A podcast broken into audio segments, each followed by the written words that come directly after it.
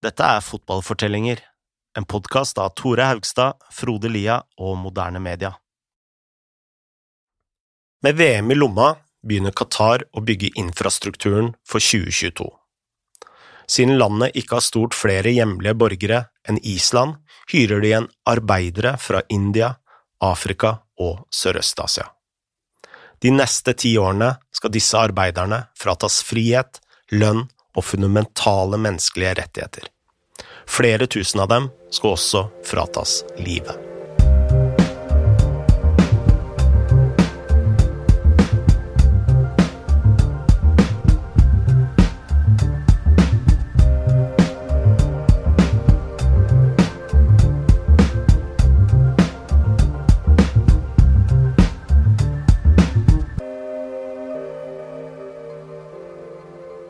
Vanligvis så gis jo VM til land som allerede har en eh, ganske robust infrastruktur på, på plass. Vertene skal jo helst ha en rekke stadioner, eh, det må jo ligge i grunn. Eh, en rekke alternativer for kollektivtransport mellom byene, og ikke minst stor kapasitet på hoteller for fans og spillere. Nesten ingenting av dette var til stede i Qatar da de fikk retten til å arrangere verdens fremste fotballturnering. Tvert imot måtte Qatar komme i gang med et enormt byggeprosjekt. Av de tolv stadionene som skulle arrangere kampene, har ni blitt bygga opp helt fra bunnen av. Lusail er en av de byene som har blitt bygga altså helt rett, rett, helt fra scratch på, på sanda, rett opp av ørkenen. Doha, eh, hovedstaden, skal få fire nye stadioner, og ikke nok med det. Hele sentrum i byen skal omstruktureres, havna skal bygges om, og mer enn 100 nye hoteller skal på plass. Og alle disse byene skal knyttes sammen med transport. Og om én eh, ting var klart, så var det at eh, qatarene selv ikke kommer til å gjøre dette arbeidet. I et eh, så rikt land er det få lokale som har eh, behov for å gjøre livsfarlig arbeid på byggeplasser i opp mot 50 eh, varmegrader. I dag bor det 2,8 millioner innbyggere i Qatar, hvorav rundt 15% faktisk er fra Qatar. Resten kommer fra land i Afrika, India og Sørøst-Asia. De er der eh, hovedsakelig for å tjene penger til sine familier i hjemlandet, men blir behandlet på en så fæl måte at Human Rights Watch har kalt det for et moderne slaveri. Og dette skjer ikke bare i Qatar. Land over hele Gulfen, som f.eks. Qatars naboer De forente arabiske emiratene, bruker migrantarbeidere og behandler de på forferdelig vis. Og så vil jo vi vite litt mer om dette, da, så vi tok kontakt med en av de fremste internasjonale stemmene i kampen om menneskerettigheter i Gulfen, nemlig Nicholas McGeehan. McGeehan har en eh, personlig historie bak arbeidet sitt. Mellom 2002 og 2006 jobbet han for eh, oljeselskaper i Abu Dhabi, altså det mektigste av Emiratene. Der levde han tett på migrantarbeiderne, som fortalte ham så fæle historier at han nektet å tro på dem. Siden har han stiftet Fair Square, en organisasjon som driver med etterforskning av arbeidernes rettigheter, og har også skrevet strålende artikler om Qatar for blant annet Josemar. Nicholas så og hørte mange ting som motiverte han til å slåss for migrantene, men det var én spesiell opplevelse som fikk begeret til å renne over. I remember there was a, a young Nepalese waiter, um, uh, very gentle, softly spoken guy called Harry, um, who who was in an onshore oil field in Abu Dhabi, and I used to speak to him quite regularly. And I was always quite appalled at how the other workers would talk to him um, because we would we would be in this very fancy restaurant inside an oil refinery essentially, but it was you know we would have lobster and steak and, and such. And um, and the other employees would would shout at the waiters, you know, demand that they bring them Coke or Seven Up or go and get me some chips, and it was, horrendous. You know, it was something that I found uh, very hard to deal with, very hard to see. Um, sort of level of racial discrimination that um, that we're not used to anymore. thankfully. Um, and yeah, and talking to him, I remember him talking about how he had a young daughter and he'd never seen his daughter.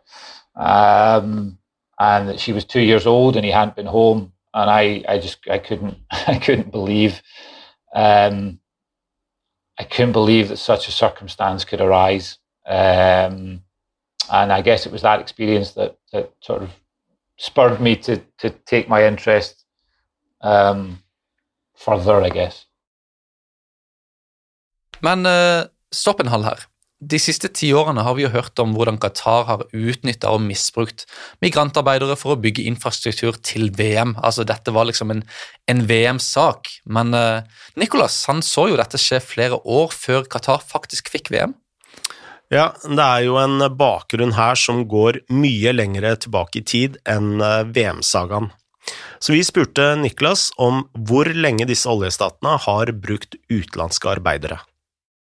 It was definitely not started with Qatar. I mean, if, if you remember when Qatar won the bid to host the World Cup, I mean, there were no articles on it. No one seemed to know anything about it. Nobody was talking about migrant workers' rights um, at the time, back in 2010. Um, I guess, I guess the oil booms. I mean, the discovery of oil was really 50s, 60s, 70s, and I, I guess the, the real boom in the use of foreign workers began in the in the 70s um, in the Gulf generally. In Qatar, I think it happened a bit later. Qatar's economic boom um, related to to their reserves of liquefied natural gas and, and sort of technological developments that enabled them to to to export that en masse very easily. Um, so so their their real economic growth happened a bit later than the other Gulf states like Saudi and the UAE. Um, but yeah, essentially, um, these Gulf states have been using foreign workers for a very, very long time. I mean, even going back to the 1930s and the 1920s when it was the British who were in charge. The British actually introduced the kafala system to Bahrain. So if you want to really take a historical take on kafala, it's the, it's the Brits who are to blame, not surprisingly. Um, but yeah, it was obviously oil that led to the to the mass introduction of foreign labour and these abuses that you now see in Qatar have been going on for a very, very long time. Um, I think international attention to them probably began when Dubai put itself on the international stage um, around the turn of the century and really started to be an international uh, actor. And I do say Dubai as opposed to just the UAE because I think it was was very much Dubai which which wanted to put itself in the spotlight. Um, and in fact, the first reports on migrant worker abuses were from Dubai, um, not from not from Qatar. Um, so yeah, to, to summarise it, it's been going on for a very very long time, um, and and and the Qatari uh, success in terms of winning the World Cup bid was really just just put it put the issue in a spotlight that just had never been there before. Dette fikk meg til å lure på en annen ting her, og det er Hvorfor er folk i Qatar så fæle mot disse migrantarbeiderne? Altså, De kommer dit med lav lønn, de har motivasjon for, til å jobbe, eh, de plager ingen av de lokale, så vidt jeg har lest. Eh, de er ikke til bry for noen, de bare er der og, og gjør en jobb. Eh, hvorfor kan ikke de behandles med respekt og verdighet? Hvorfor skal de på død og liv diskrimineres? Er det noe kulturelt i Qatar som, som gir liv til denne diskrimineringa? Yeah, I, I, mean, I'd be hesitant about I'd be hesitant about saying it's a cultural thing, and I, I, and I'd also point to you know you look at the way migrants are treated in in Europe. It's abysmal. You know, I mean, I, I live in France right now, and the the sort of rampant Islamophobia here and discrimination against migrants is very hard to see. It sits bubbles under the surface, but it, but it's there. Um, um, I think what you've seen in the Gulf is is incredibly wealthy states who very quickly had to develop their economies and who, in order to do that, decided to bring in vast numbers of foreign workers. They brought in workers from culturally distinct countries, i.e., South Asia, rather than Arab workers from Jordan and Egypt, which they could have done. Um, and they, um, because they brought in so many of them, I think they were probably regarded as something of a national security threat. Um, and the best way to keep a threat like that um, down and to ensure that they can keep making money um, and be effective employees is to strip them of rights, really, and to segregate them physically and economically. And when you do that, I think what happens is you foster, um, you foster and perpetuate um, very extreme racial discrimination. Um, I think when you add in the fact that um, there are vestiges of slavery in the region, um, particularly in the form of domestic slavery, women working in homes. Um, I think when you put that together, it's quite it's quite a toxic mix, um, and I think we're seeing the results of that. Um, so I'm, I'm, I'm hesitant about talking about about cultural um, aspects here. Um, I, I, think it's a, a combination of, of circumstances, um, many of which are are historical um, that that leads us to the situation we are we are here. It's also true. I think if you spend much time in the Gulf, you'll see how um, how racist attitudes are expressed by Western expats. Um, that's something you see very clearly, um, and I think that's because of this this creation of this um, very stratified um, these very stratified societies. Så kongefamiliene i Gulfen henter altså inn migrantarbeidere som ikke er arabiske, fordi de vet at de ikke vil kunne være politisk aktive mot diktaturet. Er ikke dette ganske kynisk? Oh, it's deeply cynical, yeah. But I mean, these are these are these are tribal monarchies uh, whose whose whose primary purpose is to hold on to hold on to power, um, and uh, you know, bringing in a large migrant worker population enables them to to empower and, and enrich their populations while at the same time not posing any political threat to them. Vi må snakke litt om måten Qatar velger å organisere disse arbeiderne på. Og det er her vi kommer til mange av problemene som har blitt belyst det siste tiåret. Qatar bruker noe som heter kafala-systemet, og det fungerer slik at eh, når en utenlandsk arbeider kommer inn i Qatar for første gang, blir han eller henne knyttet opp til en slags sponsor som ansetter dem. Denne sponsoren har i praksis full kontroll over arbeiderne, som eh, i tillegg fratas alle rettigheter. Sponsoren får også vite når arbeideren drar inn og ut av landet.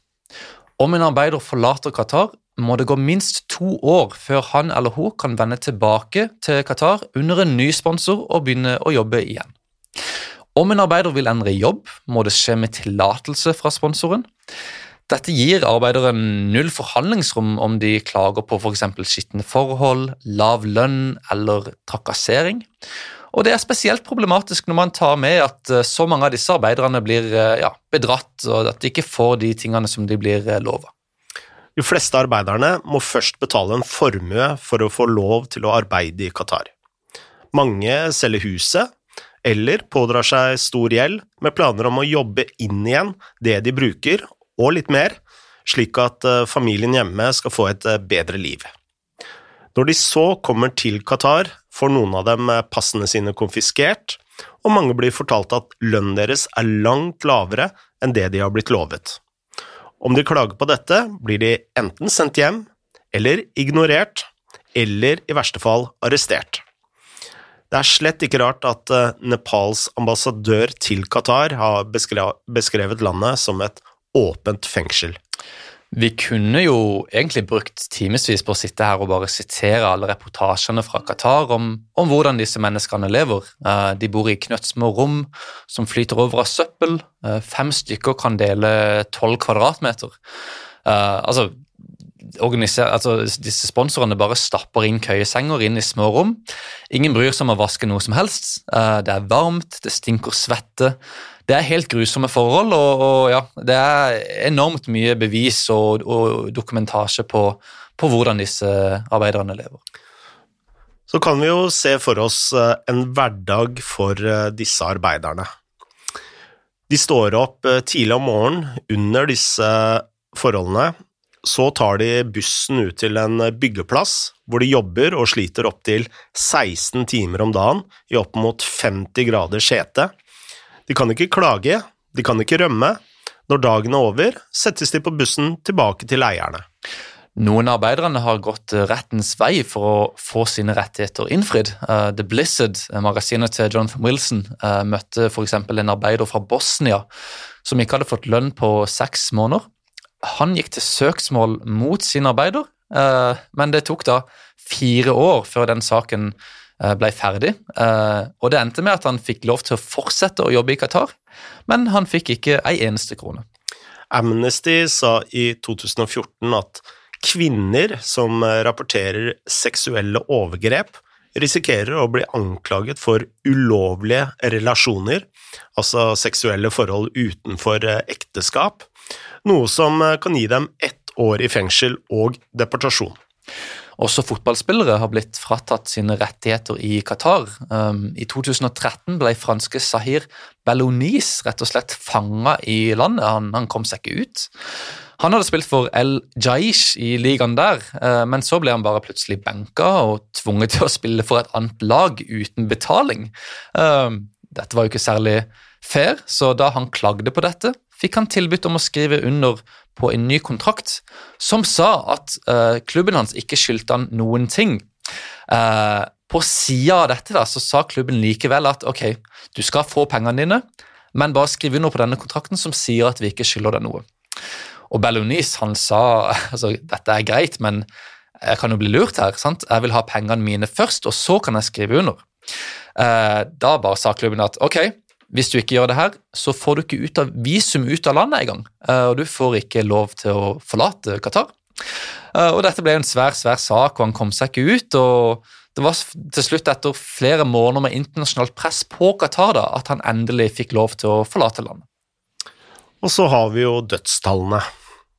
I februar rapporterte The Guardian at mer enn 6500 mennesker hadde dødd i Qatar siden de fikk VM. Og dette var ikke alle mennesker totalt, det var kun arbeidere fra India, Pakistan, Nepal, Bangladesh og Sri Lanka. Det er fordi at det er kun disse landene som faktisk rapporterer sine døde.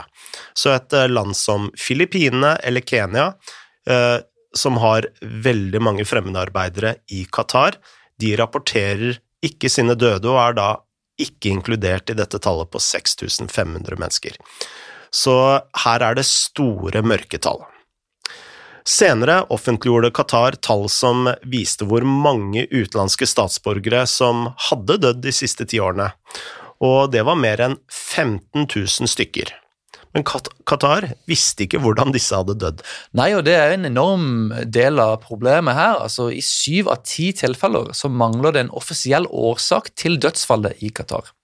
Og Dette tyder på at myndighetene ikke har undersøkt hvorfor disse arbeiderne dør, og, og kanskje heller ikke at de har så veldig stor interesse for å gjøre det. Det vi vet, er imidlertid at alle disse arbeiderne må ta helsesjekker før de ankommer Qatar, noe som betyr at de alle er friske når de begynner. Så da er jo spørsmålet hvorfor dør de? I tillegg eh, så rapporteres det nå om en ny stor utfordring. Og det er at veldig mange av de fremmedarbeiderne som har jobbet i Qatar, som nå drar tilbake til sine respektive hjemland, opplever kronisk nyresvikt. Eh, dette er en alvorlig sykdom i veldig mange land, som medfører døden for veldig mange. Det høres jo helt, helt eh, forferdelig ut. Ja, eh, definitivt. Eh, men la oss gå tilbake til dødsårsakene. Ja, Qatar sier at noen arbeidere dør av hjertestans og akutt respirasjonssvikt. Men dette er jo helt meningsløst. Spørsmålet er hva som får arbeidernes hjerter til å stanse, spesielt når dette er friske og spreke menn i sin beste alder. Og man eh, trenger ikke å være ekspert her for å forstå at eh, selv de sterkeste hjertene kan svikte når man gjør tungt fysisk arbeid i opptil 16 timer om dagen i 50 varmegrader dag etter dag. Amnesty har skrevet om noen av arbeiderne som har mista livet. Uh, I alle disse rapportene så kommer de med generelle, generell dokumentasjon og, generelle tall, og så går de inn på spesifikke tilfeller. og For meg i hvert fall, så er det liksom virkelig da at du skjønner hvilk, altså at, at liksom individer og enkeltliv da her går tapt, og hva slags skjebner disse arbeiderne har. Um, du har f.eks. Gal Singh Rai fra Nepal, som betalte nesten 1000 pund, altså 12 000 kroner, for å kunne jobbe som vasker i en leir for arbeidere ved Education City World Cup Stadium. En uke etter at han kom til Qatar, så tok han selvmord. Uh, og igjen så er dette en, en blanding av forholdene, uh, arbeidsforholdene der han bor, behandlingene han får fra sponsorene osv. Så har man Mohammed Sahid Mia fra Bangladesh, han døde av elektrosjokk der han bodde, da vann kom i kontakt med åpne elektriske kabler. Så har du en and som døde mens han sov, og det er også en ganske normal ting at arbeidere jobber så hardt i løpet av dagen at de, de bare sovner inn eh, i løpet av natta. Og det er liksom, ja, Dette er liksom tre eksempler av veldig veldig mange sånne individuelle historier som har dukka opp i løpet av de siste ti årene. Så er jo spørsmålet hvorfor har ikke Qatar gjort noe for å forbedre disse forholdene? Og svaret, i hvert fall ifølge dem selv, er at eh, de har gjort veldig mye, i hvert fall på papiret. Advokatfirmaet DLA Piper lagde en rapport på 139 sider som etterforsket forholdene, i samarbeid med Human Rights Watch og Amnesty International. De konkluderte med at eh, kafala-systemet skulle fjernes, og at arbeiderne måtte få nye rettigheter. Så i 2017 inngikk Qatar et samarbeid med ILO, altså Det internasjonale arbeiderorganisasjonen, hvor de sa at de skulle avvikle kafala. Qatar skulle eh, altså gjøre en hel del her for å, for å rette opp i, i, disse urettferdighetene mot arbeiderne. De skulle visstnok innføre en ny minstelønn, en klagemekanisme, et fond for utbetaling av ubetalte lønninger og tiltak for å forbedre arbeidsforholdene. At, alt dette høres veldig bra ut på papiret, men hvor mye er det som har endra seg i praksis? Well, I would say since, let's say, since 2010 when they got the World Cup, 2012 when the first Human Rights Watch report went out, if you're talking about how much has changed for an actual worker on the ground, are his conditions significantly better? Would you notice that if you went now and compared it to when you went back then? I would say not much has changed. Um, and I think you struggle to find a credible expert on this issue who would say anything different. What has changed is that you do have a lot of um, bodies who have now got involved in um, a reform process in Qatar. Uh, and there is a labour reform process in Qatar. And there have been legal reforms made in Qatar, which on paper are very impressive, some of them.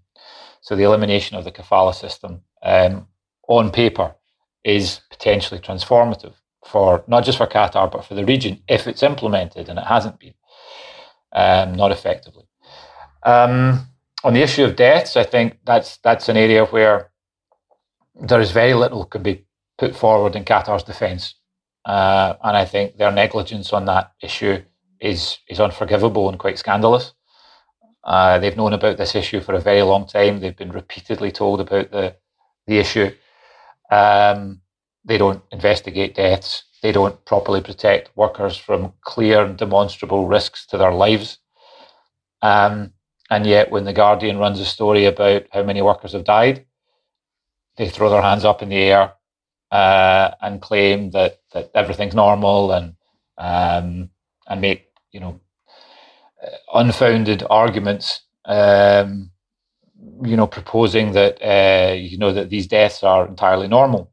Um, and of course, that's not true. You know, you cannot have a situation where 70% of migrant worker deaths are not explained, and that is the situation in Qatar, and turn around and say that there isn't a problem, particularly when we know that, that workers are subjected to such extreme levels of heat and humidity, allied to abusive and long working hours. And then they're going home to live in unsanitary housing. You know, of course, there's a problem.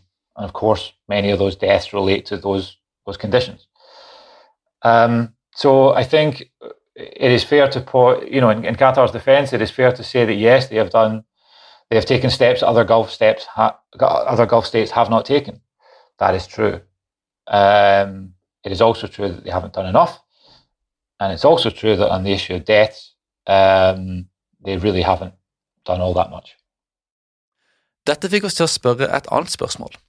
Hvorfor er det så vanskelig for Qatar å gjøre slutt på dette kafala-systemet?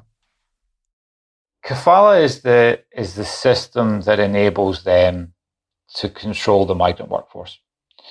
If you have 80% of your population which is non-national, and again, culturally distinct, linguistically distinct from you, um, it is entirely understandable that your national population would feel a certain amount of trepidation, fear of, of that of that population, of that de- demographic imbalance in your country. I, you know, I, I'd struggle to think of a national population that wouldn't be slightly um, um, worried about that, right?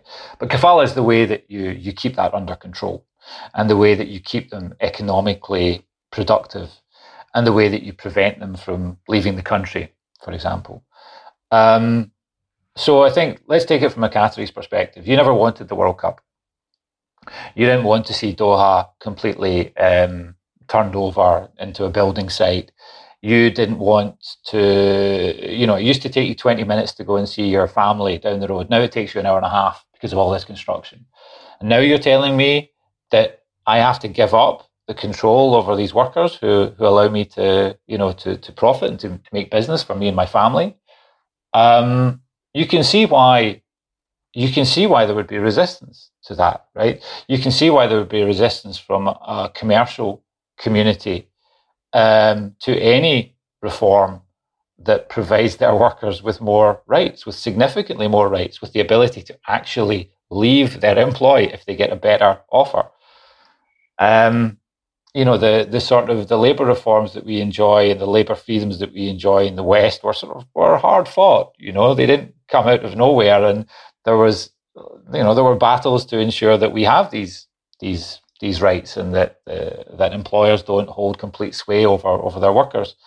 Um, so I think it, it, it essentially comes down to to that combination of, of factors. You know, it's very popular because it it allows you to control this workforce, allows you to make a lot of money for them, and they're scared of this workforce. Um, and by scared, I mean there is there is obvious xenophobia. Um, so the, the the legal reform is is is the first and significant part of the challenge. Let's not you know, it's easy to say, oh, well, it doesn't matter because implementation hasn't happened. I do think we have to credit people in Qatar. The people in Qatar, Qatar who got that over the line do deserve credit. You know, the ILO who helped them do that deserve credit for, for getting that reform. The mistake is to is to say that because we've got that legal reform that everything is now okay. It's not. You know, the, the second and potentially bigger challenge is is making it effective. You know? Så har vi et uh, siste argument som vi må adressere. Når uh, alle disse dødstallene har blitt rapportert, har enkelte hevdet at uh, disse faktisk er helt normale dødstall for et lite land som Qatar, og at det ikke finnes noe problem overhodet. Nicholas hadde dette å si om akkurat dette.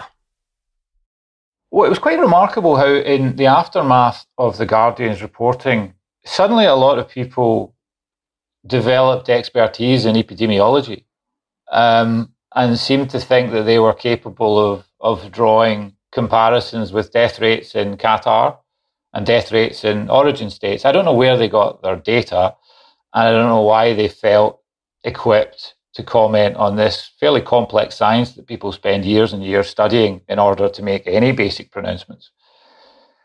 You know, in the course of doing further research on this, I've spoken to lots of epidemiologists, um, and all of them say that it is completely impossible to draw any comparison between what's happening in Qatar and the origin states because the data sets in Qatar are completely incomplete.